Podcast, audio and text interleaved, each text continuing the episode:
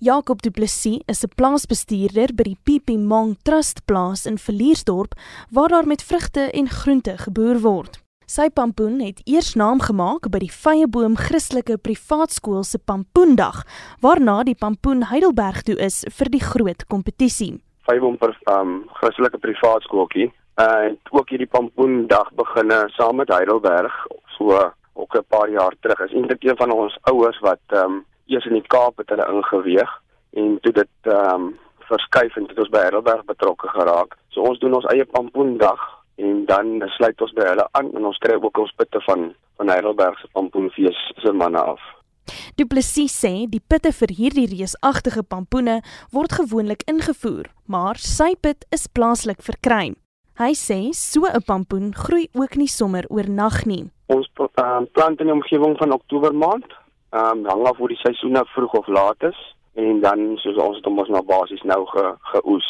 So dis 'n redelike lang proses, maar dit is ehm um, 'n familie ding. Ons by my persoonlik, ek het drie dogters en ons maak 'n deel van 'n familie ding. Ons gaan saans en naweke as ons kan sit van Saamtuin toe en neem foto's by die pampoen en ja, mens moet dit 'n familie ding maak om dit te geniet. Om 'n 600 kg pampoen te kweek is beslis nie kinderspeletjies nie. Du Plessis, wat na homself as die tuinier verwys, sê jy moet jou pampoen so gesond as moontlik hou. Jy plant jou plant en dan groei 'n sekere ent, dan begin maak jy as mannetjie blomme, dan begin hy sy wyfie blomme maak, dan bestuif ons daai blommetjies self En ons laat dit nie dat die bye dit doen nie want anders te baster hulle uit sodat ons die pitte weer her kan gebruik vir die volgende seisoen. So dan kies ek gewoonlik twee twee pampoene vir my en dan as hulle sê maar omtrent so 'n klein sokkerballetjies uh, gegrootte is, dan kies ek vir my eenetjie uit en sny ek die ander eenetjie af. So jy hou basies een pampoen of een hele rank.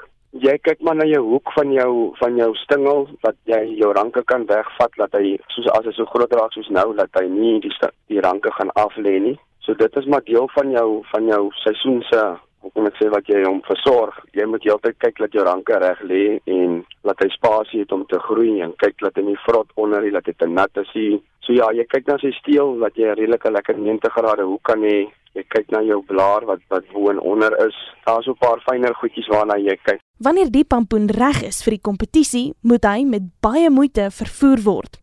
Hulp is vanuit die gemeenskap ingespan om uiteindelik die kampioenpampoen by sy bestemming te kry.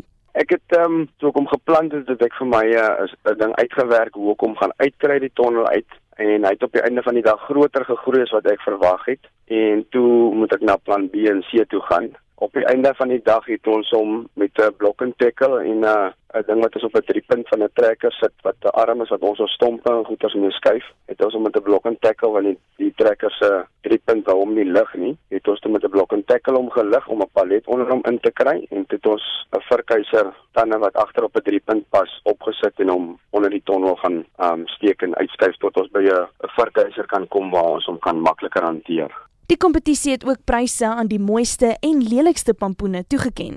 Maar die vraag bly, wat word van die pampoene na die kompetisie? Ek vermoed hulle gaan daardie pampoene gebruik om bietjie publisiteit te kry en 'n bietjie vir hulle borgskappe en dan as daai proses ding klaar is, dan sal hulle daai pitte oes wat hulle dan weer gebruik vir volgende jaar se seisoen om weer vir die vir die groeiers uit te gee om weer weer te kan plant. Hy's maar baie waterig Ons het hom alself wel gaar gemaak, maar jy skil hom af, jy sit hom net so in 'n pot en jy skep nog steeds nog water ook nog af anders as dit 'n pap. So hy's maar eintlik baie waterig, maar jy kan eet as jy regtig wil eet, kan jy hom eet.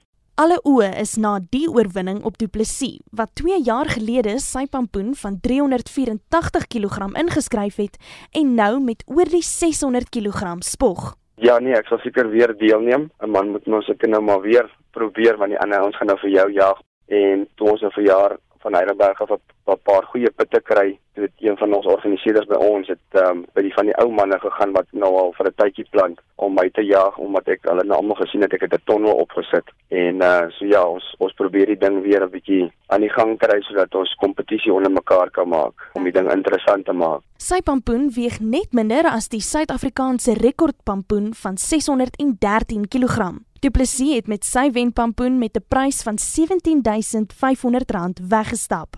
Ek is Annelie Leroux vir SAK nuus.